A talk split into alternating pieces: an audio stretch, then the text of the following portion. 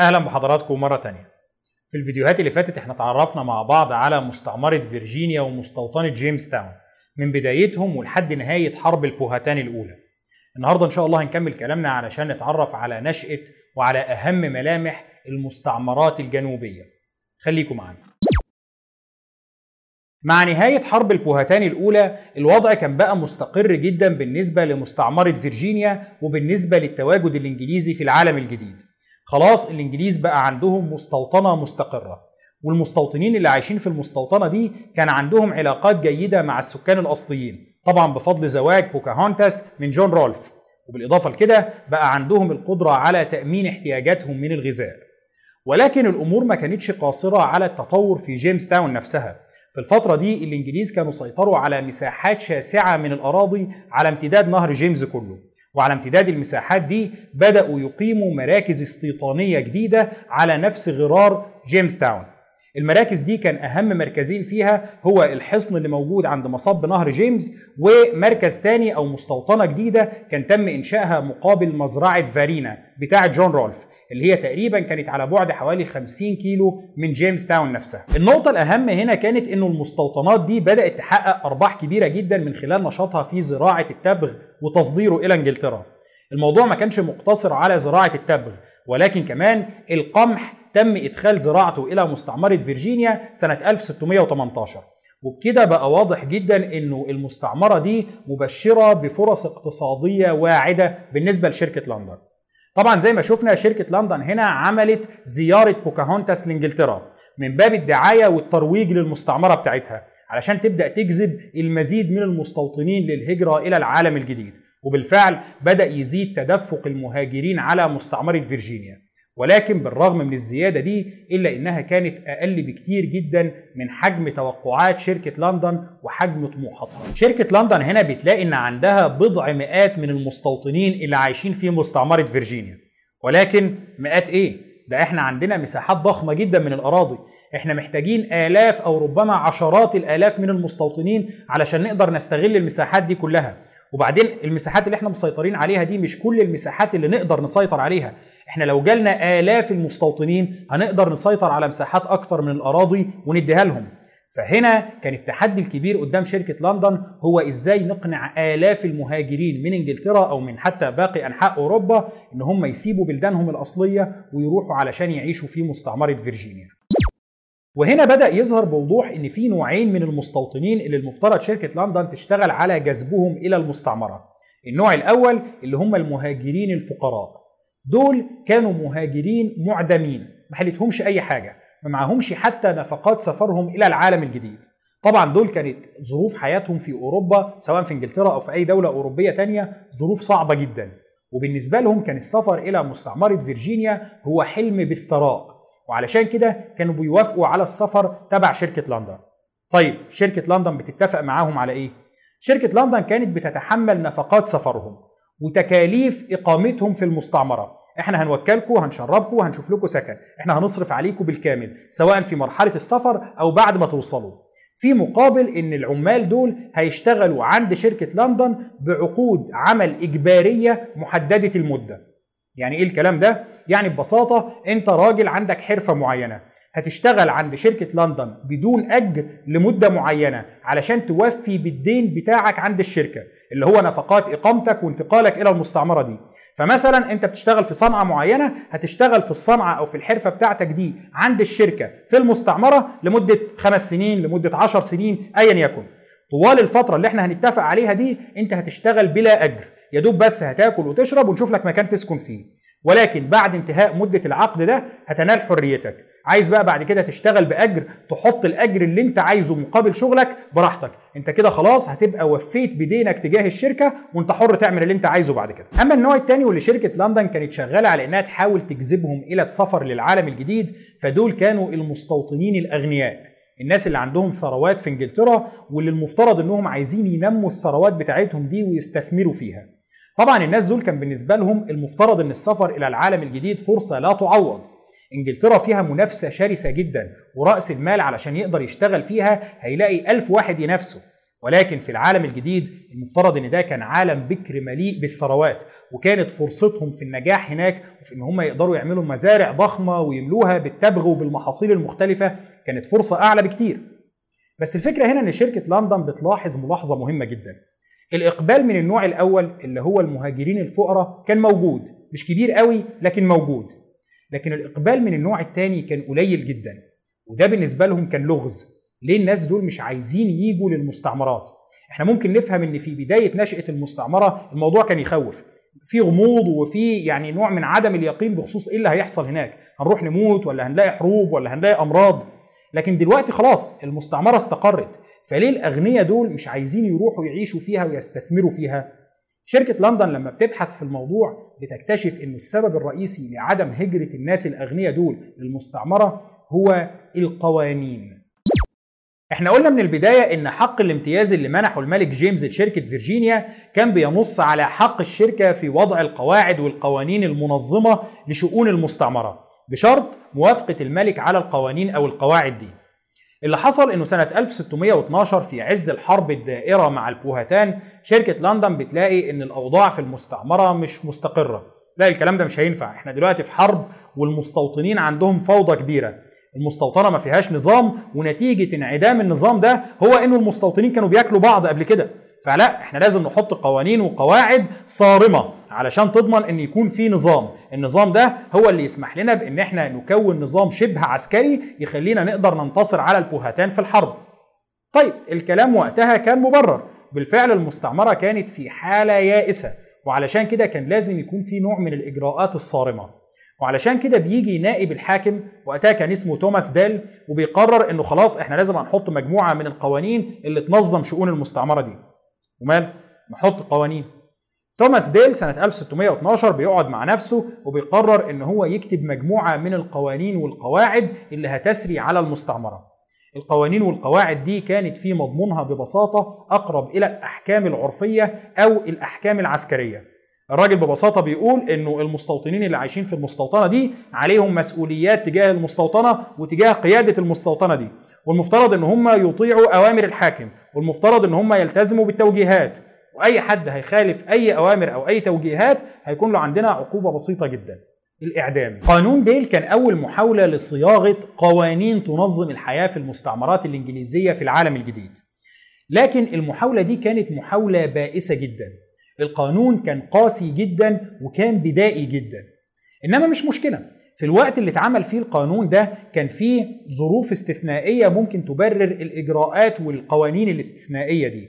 ولكن دلوقتي خلاص الموضوع اختلف. دلوقتي المستعمرة بقى فيها سلام وبقى فيها ازدهار. ولو انت عايز المواطن الإنجليزي يسيب إنجلترا ويسيب حياته المستقرة هناك ويجي يعيش في المستعمرة في مكان بدائي في أطراف العالم لازم تراعي النقطة دي.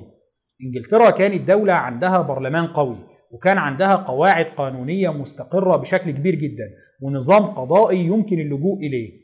المواطن الإنجليزي العادي والمواطن الإنجليزي الغني على وجه الخصوص ما كانش مستعد يسيب المظلة القانونية دي ويروح يعيش في مكان نائي في أطراف العالم ويحط نفسه هناك تحت رحمة سلطة حاكم المستعمرة وتقديره للقوانين.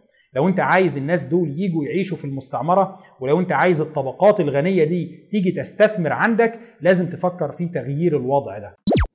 وبالفعل شركة لندن بتقرر إنه يتعمل مجلس تشريعي منتخب يمثل سكان مستعمرة فيرجينيا. الأول السلطة كانت مطلقة في يد حاكم المستعمرة. ولكن دلوقتي لا دلوقتي السلطة هتتوزع. هيبقى عندنا حاكم المستعمرة وهيبقى عندنا مجلس اسمه مجلس الولاية. المجلس ده مكون من ست أفراد. الست أفراد دول شركة لندن هي اللي بتعينهم. وهيبقى عندنا مجلس تاني اسمه مجلس ال Burgesses أو شيء أقرب لمجلس المفوضين أو مجلس المندوبين. وده كان هيبقى مجلس منتخب. أفراده هيتم انتخابهم من وسط سكان مستعمرة فيرجينيا. هيتم انتخاب فردين لتمثيل كل مستوطنة أو لتمثيل كل تجمع للمستوطنين. في الفترة دي كان في 11 تجمع مختلفين للمستوطنين في مستعمرة فيرجينيا. وعلشان كده هيتم اختيار 22 فرد علشان يكونوا المجلس التشريعي ده. بكده السلطة هتكون موزعة ما بين الأطراف دي. طبعا ده كان بيقلل سلطة الحاكم جدا خصوصا إنه المجلس المنتخب ده هيكون له الدور الأكبر في اختيار وصياغة القوانين اللي هتنظم شؤون المستعمرة.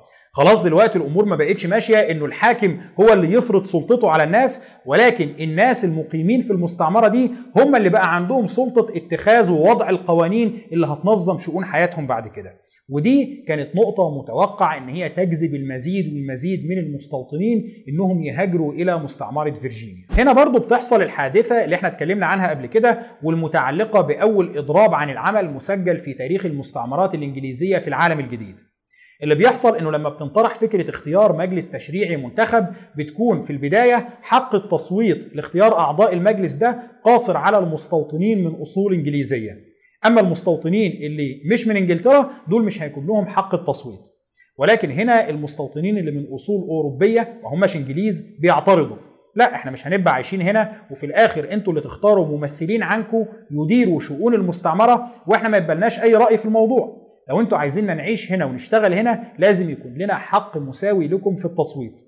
هنا المستوطنين اللي من أصول بولندية أو ألمانية بيعملوا إضراب عن العمل وبيتوقفوا عن العمل تماما لحد ما شركة لندن بتتراجع عن القرار ده وبيتم إتاحة حق التصويت لكل المقيمين في المستعمرات بغض النظر عن أصولهم. طبعا ده القرار اللي هيساهم فيما بعد في ازدهار المستعمرات الإنجليزية وفي اجتذاب العديد من المستوطنين من خارج إنجلترا للحياة فيها لأنهم في النهاية هيعيشوا فيها على قدم المساواة مع الإنجليز. بتتعمل الانتخابات التشريعية ويوم 30 يوليو سنة 1619 بينعقد أول مجلس تشريعي منتخب في تاريخ المستعمرات الإنجليزية في العالم الجديد وفي تاريخ الولايات المتحدة ككل. الانعقاد للمجلس ده وانتخاب مجلس تشريعي يمثل المستوطنين بيكون هو البداية الحقيقية للنظام السياسي اللي هيتم العمل به في كل المستعمرات الإنجليزية وفي الولايات المتحدة الأمريكية فيما بعد. النظام ده اللي هو ما زال قائم لحد النهارده. طبعا كل المستعمرات الإنجليزية اللي بتنشأ في العالم الجديد فيما بعد بتستلهم نفس النظام ده. ده بيكون معناه إن سلطة الحكومة الإنجليزية في إدارة المستعمرات الموجودة في العالم الجديد بتتراجع جدا في مقابل تفوق واضح لسلطة المستوطنين اللي عايشين داخل المستوطنات دي. طيب في نفس السنة دي سنة 1619 بيحصل حدث تاني بيكون له أهمية فارقة في تاريخ المستعمرات الإنجليزية في العالم الجديد وفي تاريخ الولايات المتحدة الأمريكية فيما بعد. الحدث ده اللي هو وصول أول دفعة من العبيد إلى سواحل المستعمرات الإنجليزية في العالم الجديد. اللي بيحصل في السنة دي اللي هي سنة 1619 هو إنه البرتغاليين كانوا بيمارسوا نشاطهم الطبيعي في استرقاق الأفارقة. البرتغاليين كانوا كالمعتاد بيقبضوا على الأفارقة في منطقة الكونغو وفي منطقة أنجولا وبعد كده يشحنوهم على السفن إلى أسواق الرقيق. واحدة من السفن البرتغالية بتنطلق من سواحل أنجولا الحالية وعلى متنها شحنة ضخمة من الرقيق. وهنا بتتعرض في عرض البحر إلى هجوم من سفينتين من سفن القراصنة. السفينتين دول طبعا بيحاولوا ينهبوا أي شحنة ثمينة موجودة على السفينة البرتغالية. لكنهم ما بيلاقوش على متن السفينة دي إلا العبيد. وعلشان كده السفينتين بينهبوا 60 فرد من العبيد اللي كانوا موجودين على متن السفينة البرتغالية دي وبيهربوا بيهم. واحدة من السفينتين دول بتوصل إلى سواحل فيرجينيا يوم 20 أغسطس سنة 1619 تحديدا عند الحصن المقام عند مصب نهر جيمس. وهناك بتقايض أكثر من 20 فرد من العبيد اللي كانوا معاهم دول في مقابل بعض الطعام اللي بيحصلوا عليه من المستوطنين الإنجليز. الحقيقة أن الحدث ده هو حدث مهم جدا في الوجدان الأمريكي حاليا. المتابع للساحة السياسية في أمريكا في الوقت الحالي هيلاحظ أنه في حركة نشطة جدا سواء على المستوى السياسي أو المستوى الثقافي اسمها حركة 1619 أو مشروع 1619 طبعا زي ما هو واضح الحركة أو المشروع ده بيستمدوا اسمهم من السنة اللي وصل فيها أول دفعة من العبيد إلى سواحل المستعمرات الإنجليزية في القارة الأمريكية. الحركة دي بتدعو ببساطة لإعادة دراسة وإعادة كتابة التاريخ الأمريكي مع وضع الأمريكيين من أصول أفريقية في قلب التاريخ ده. هم ببساطة شايفين إنه التاريخ الأمريكي تم كتابته من منظور الرجل الأبيض وتصرفات وقرارات الرجل الأبيض. بينما تم إهمال أي دور للأمريكيين من أصل أفريقي في التاريخ بتاعهم. هم ببساطة عايزين يعيدوا صياغة وكتابة التاريخ ده. والحقيقة أن نقطة إهمال دور الأمريكيين من أصل أفريقي في التاريخ الأمريكي مش نقطة فيها محل خلاف قوي. لأنه أبسط دليل على ده هو إننا ما نعرفش الشحنة دي من العبيد كان عددها كام بالظبط. المصادر التاريخية بتقول حاجة وعشرين. حاجة وعشرين دول اللي هم يطلعوا كام؟ مفيش حد اهتم بتوثيق الموضوع ده. وحتى العبيد دول كان إيه مصيرهم بعد كده؟ برضو الموضوع مش واضح قوي. بعض العبيد دول إحنا نعرف مصيرهم بسبب ارتباطهم بسادة من البيض التاريخ اهتم بتدوين مصيرهم. ولكن الباقين محدش يعرف عنهم حاجة. ولكن على الجانب الآخر الحركة دي بتلقى معارضة شرسة من تيارات مختلفة داخل أمريكا. بعضها تيارات سياسية والبعض الآخر هو تيارات قائمة على اعتبارات تاريخية وأكاديمية. أهم نقد بيوجه للحركة دي هو إنه من الناحية القانونية البحتة الدفعة دي من العبيد اللي وصلت للسواحل الأمريكية اللي هي الدفعة اللي وصلت سنة 1619 كانت من الناحية القانونية البحتة ما بتعتبرش عبيد. الفكرة إنه لما دول وصلوا للسواحل بتاعة المستعمرات الإنجليزية الإنجليز ما اعتبروش إنهم عبيد عندهم ولكن اعتبروا إنهم ملتزمين معاهم بعقود عمل إجباري زي اللي كان بيلتزم بيها المهاجرين الفقراء من إنجلترا. هم قالوا إن إحنا دفعنا فلوس أو دفعنا مقابل من الطعام أو من النقود للسفينة اللي جابتهم لنا. وفي مقابل الثمن اللي إحنا دفعناه ده فهم المفترض يشتغلوا عندنا لفترة من العمل الإجباري غير المدفوع. وبعد انتهاء الفترة دي خلاص يبقوا أحرار. أنت مثلا هتشتغل عندنا 20 سنة ببلاش. بعد ال 20 سنة دول خلاص هتنال حريتك ويبقى العقد اللي ما بيننا وما بينك انتهى. فبكده من الناحية القانونية الإنجليز ما كانوش بيعتبروا الناس دول عبيد. أهم حجة بتساق للتدليل على أنه الأفارقة اللي وصلوا للمستعمرات الإنجليزية في السنة دي سنة 1619 ما كانوش عبيد هي أنه في اتنين من الأفارقة دول كانوا متجوزين. الاثنين دول بينجبوا فيما بعد أول طفل ذو بشرة سوداء في المستعمرات الإنجليزية في العالم الجديد. الطفل ده اللي كان اسمه ويليام. ويليام لما بيتولد بيتم اعتباره حر. ليه بيتم اعتباره حر؟ لأن أهله دول مش عبيد. أهله دول شغالين بعقود عمل إجبارية لكن الطفل ده مش هيتم إلزامه بعقد عمل. وعلشان كده الطفل ده بينال حريته وما بيتمش اعتباره عبد. ولكن بالرغم من الجدال الدائر ده إلا إنه أغلب المؤرخين وأغلب القانونيين حتى بيعتبروا إنه تعريف العبودية ينطبق على الناس دول.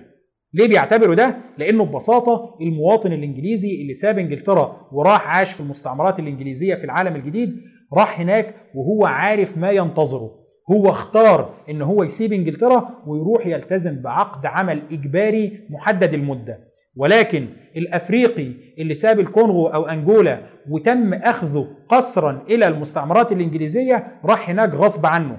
ده ما اختارش إن هو يلتزم بعقد عمل لمدة 20 سنة وبالتالي تشغيله لمدة 20 سنة أو حتى لمدة سنة أو حتى لمدة يوم ده في حد ذاته يعتبر عبودية. على أي حال موقف الناس في أمريكا حاليا من مشروع 1619 هيكون مرتبط في أغلب الحالات بتوجههم السياسي.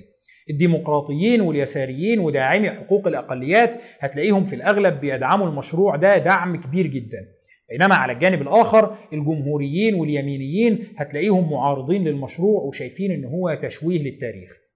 لكن بغض النظر عن الصراعات الدائرة في السياسة الأمريكية حاليا فموضوع التسامح مع العبيد ده ما بيستمرش كتير في المستعمرات الإنجليزية. لا عبيد إيه اللي يشتغلوا 10 سنين ولا 20 سنة وبعد كده ينالوا حريتهم؟ لا مفيش الكلام ده. وإيه اللي أبناء العبيد ما يبقوش عبيد؟ لا لا لا لا الكلام ده مش هينفع معانا خالص. المستوطنين الإنجليز بعد فترة ومع احتياجهم للأيدي العاملة علشان تبدأ تشغل المزارع بتاعتهم بيقننوا تجارة العبيد في المستعمرات الإنجليزية. انسى بقى الكلام بتاع عقود عمل إجبارية دلوقتي العبد بقى اسمه عبد وبيتم معاملته باعتباره عبد ومفيش حاجة اسمها طفل هيولد لعبيد ويتم اعتباره حر. سنة 1662 في محكمة في فيرجينيا بتقضي بأنه الطفل اللي يولد لأم من العبيد أو من الرقيق هيبقى عبد. وهيبقى مملوك بالتبعية لمالك أمه. خلاص انسى بقى الكلام الحنين بتاع عقود العمل وبتاع إنه أبنائهم مش هيبقوا عبيد. دلوقت إحنا عندنا مزارع محتاجين اللي يشغلها. مفيش مجال للحنية دي. طيب على مدار الثلاث سنين اللي بعد كده اللي هو من 1619 لحد 1622 بتزدهر مستعمرة فيرجينيا جدا. بيتدفق عليها المهاجرين من إنجلترا ومن جميع أنحاء أوروبا. وخصوصا مع قرار شركة لندن بأنه أي مستوطن هيدفع ثمن رحلته إلى العالم الجديد هيتم منحه 50 فدان علشان يبدأ في زراعتهم بمجرد وصوله. هنا الحالة الاقتصادية بتبدأ تزدهر وعدد السكان بيبدأ يزيد والمراكز أو المستوطنات المقامة في مستعمرة فيرجينيا بتبدأ تزيد.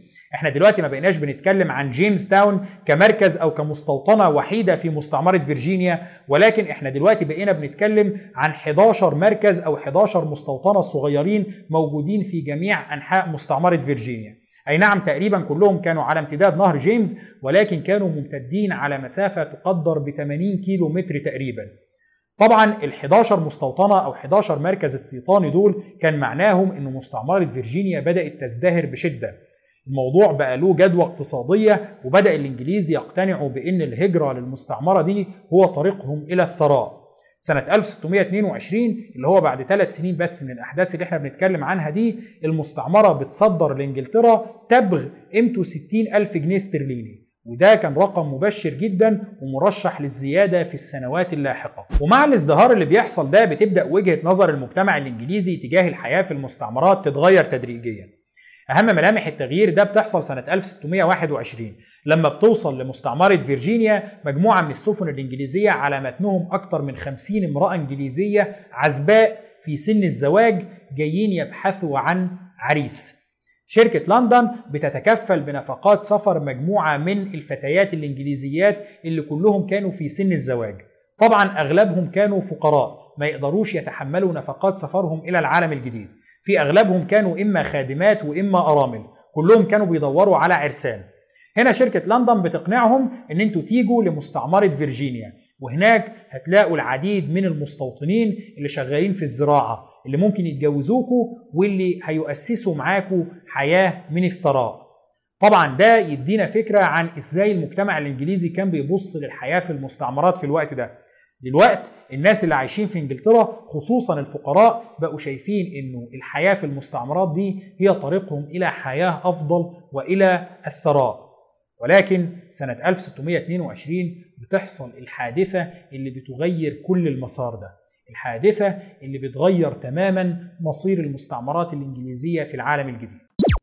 سنة 1618 بيموت زعيم البوهتان الكبير. الزعيم ده اللي هو كان أبو بوكاهونتاس وهنا بتنتقل السلطة وبتنتقل زعامة البوهتان إلى أخوه الصغير. أخوه ده اللي كان متشكك في نوايا الإنجليز وكاره لوجودهم في أراضيه بشدة.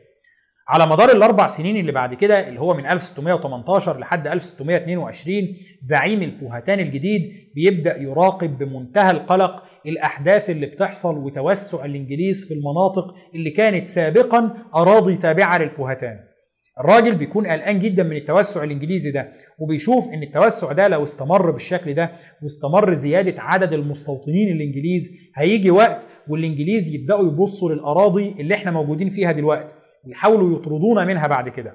وعلشان كده بيقرر إن إحنا لازم نتصدى للتوسع الإنجليزي ده ونحاول نوقفه قبل ما يصعب علينا السيطرة عليه.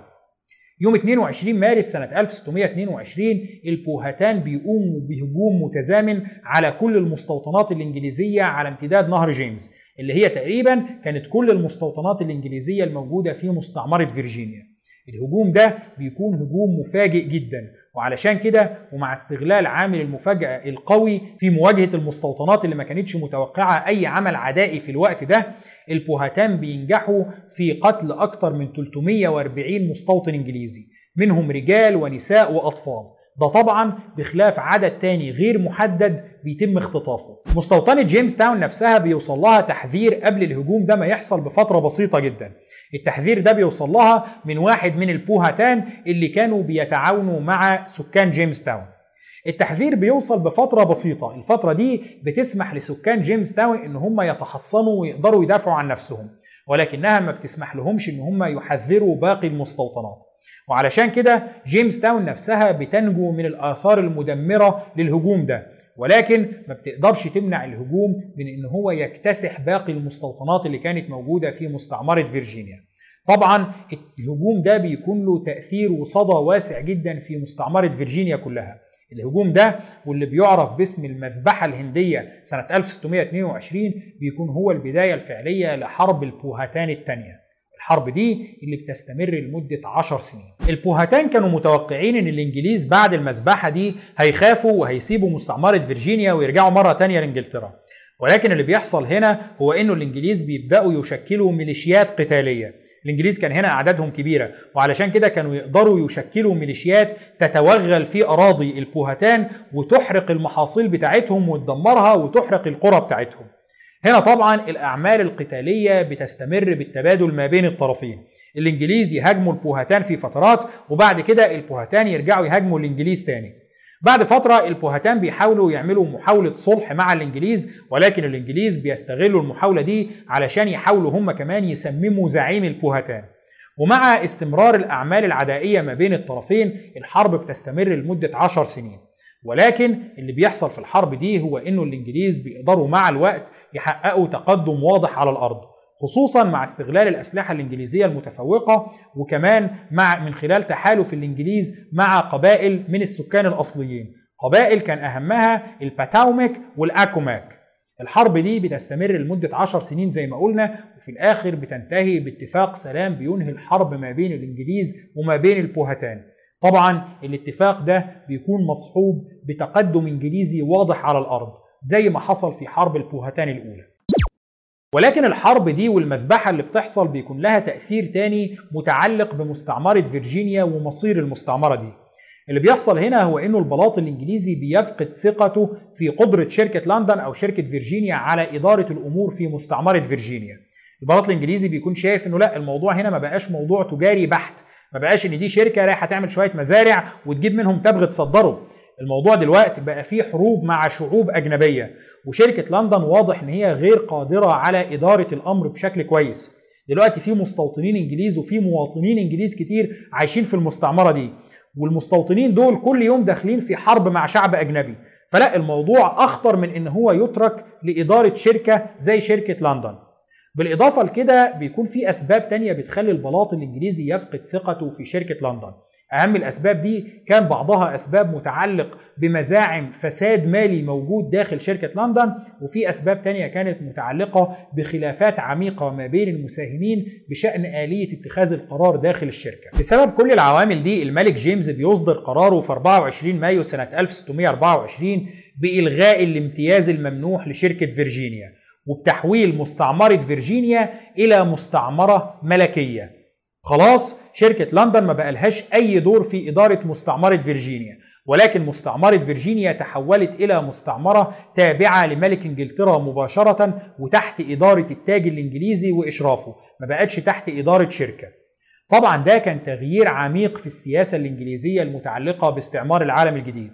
الموضوع دلوقتي ما بقاش شركة. لا الموضوع دلوقتي اتحول لأنه الدولة الإنجليزية دخلت بتقلها في استعمار العالم الجديد وبقى تمهيد لأنه الجيش الإنجليزي نفسه ممكن يتدخل في استعمار العالم الجديد في مرحلة لاحقة. دلوقتي المستوطنين اللي بقوا عايشين في مستعمرة فيرجينيا بقوا مواطنين إنجليز عايشين على أرض إنجلترا تزعم السيادة عليها وبالتالي ما بقاش الموضوع متروك لشركة. لا إنجلترا بكامل الثقل بتاعها بقت متدخلة في استعمار العالم الجديد. طيب المستعمرة دي هتتحكم إزاي؟ يعني دلوقت إحنا لما تحولنا من مستعمرة تابعة لشركة لندن إلى مستعمرة تابعة للتاج الإنجليزي. إيه تأثير ده على نظام إدارة المستعمرة؟ إحنا مش كنا عملنا مجلس تشريعي منتخب والمجلس ده كان هو اللي بيتخذ القرارات وبيحط القوانين والحاكم كان مجرد أداة مساعدة للمجلس ده. دلوقتي بقى إيه وضعنا؟ هنعمل إيه؟ البلاط الإنجليزي في البداية بيتجاهل النقطة دي تماما. البلاط الإنجليزي هيعين الحاكم والحاكم ده هو اللي هيدير المستعمرة. هيديرها إزاي؟ البلاط الإنجليزي ما بيقولش. الملك جيمس بيسيب الموضوع غامض جدا في البداية. ولكن هنا سكان مستعمرة فيرجينيا بياخدوا قرار ذكي جدا. القرار ده هو إنهم بيستمروا بالعمل بنفس النظام السابق باعتبار إنه مفيش تغيير حصل. يعني ما بيروحوش يسألوا ملك انجلترا إحنا هنعمل إيه؟ لا هم بيعتبروا إنه ما فيش تغيير حصل وبيسيبوا المجلس التشريعي المنتخب بتاعهم يجتمع وياخد قرارات ويساعد الحاكم تمشي الأمور كما كانت عليه. الموضوع ده بيستمر الفترة لحد ما في النهاية البلاط الإنجليزي بيعتبر إنه بالفعل ده النظام الطبيعي والنظام الأمثل لإدارة المستعمرة. وفي النهاية سنة 1639 البلاط الإنجليزي بيؤكد النظام ده وبيبقى المجلس التشريعي المنتخب هو المجلس المسؤول عن إدارة شؤون المستعمرة.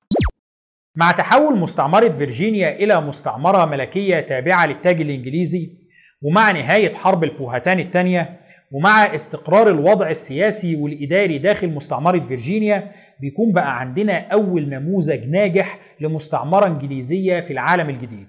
النموذج ده اللي هو مستعمرة فيرجينيا. ومع نجاح النموذج ده بيبدأ ينشأ فيما بعد بالقرب من مستعمرة فيرجينيا مستعمرات تانية بتنشأ على نفس النمط اللي نشأت عليه مستعمرة فيرجينيا. بينشأ بالقرب منها أربع مستعمرات. الأربع مستعمرات دول اللي هم كارولاينا الشمالية وكارولاينا الجنوبية ومستعمرة ميريلاند ومستعمرة جورجيا. الخمس مستعمرات دول مع بعض هم المستعمرات اللي بيجمعهم ملامح واحدة وسمات واحدة واللي هيعرفوا فيما بعد بالمستعمرات الجنوبية في الدولة اللي هتعرف لاحقا باسم الولايات المتحدة الأمريكية. الخمس مستعمرات دول اللي بيكونوا معتمدين على الزراعة بشكل أساسي وخصوصا زراعة المحاصيل النقدية اللي بيتم تصديرها في مقابل المال. بيكونوا معتمدين على العبيد بشكل أساسي وبيجمعهم نظام سياسي متشابه جدا. طبعا الخمس مستعمرات دول زي ما قلنا بيكونوا هم المستعمرات الجنوبية. هنقف لحد هنا النهارده إن شاء الله والأسبوع الجاي هنكمل كلامنا علشان نتعرف على المستعمرات الشمالية في الولايات المتحدة الأمريكية. إزاي نشأت وإزاي اتطورت وإزاي كانت مختلفة عن المستعمرات الجنوبية دي. شكرا لحضراتكم وإن شاء الله نكمل كلامنا الأسبوع اللي جاي.